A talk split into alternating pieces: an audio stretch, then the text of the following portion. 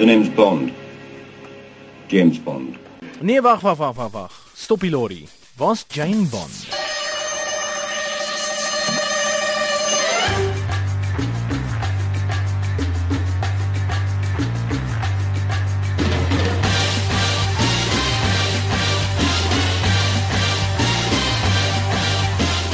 Hulle was nog altyd daar gewees. Vroue spioene.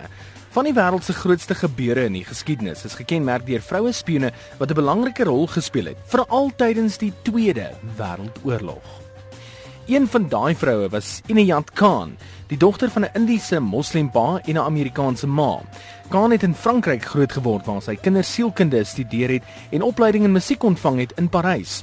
Voor die oorlog het sy spesifiek gefokus op digkuns en die skryf van kinderstories. Haar deelname het reeds aan die begin van die oorlog gekom, toe sy en haar broer besluit het om by die geallieerde magte aan te sluit, grootliks om die verhouding tussen Indiese gemeenskappe en die Britte te probeer versterk. Sy het vanuit Parys draadloose boodskappe na die geallieerdes gestuur voor sy deur die nasies gevange geneem is. Haar groot fout was egter dat sy een van die boodskappe in haar dagboek neergepen het wat uiteindelik deur die nasies gevind is.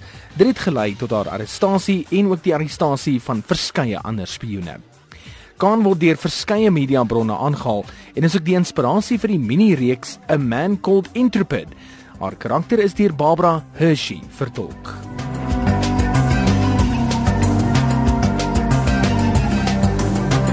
Nancy Wake was in dieselfde tydperk bedrywig.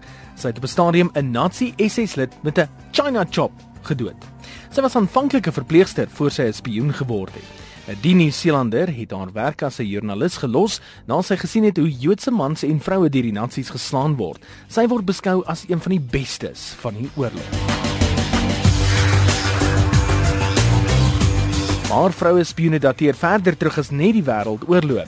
Die Amerikaanse burgeroorlog spioen Mary Bowser word wyd erken as die eerste swart vroue spioen. Bowser was 'n baie belangrike figuur omdat sy vir 'n baie invloedryke familie gewerk het en dus 'n belangrike bron van inligting was vir verskeie mense. Teen die einde van die oorlog het die familie haar verdink wat daartoe gelei het dat sy gevlug het en uiteindelik die oorlog oorleef het. Sy het ook haar storie in boekvorm vasgevang en verskeie lesings oor haar dae as spioen aangebied. So op meisie spioene dag. Kom ons sê Bond. Jane Bond.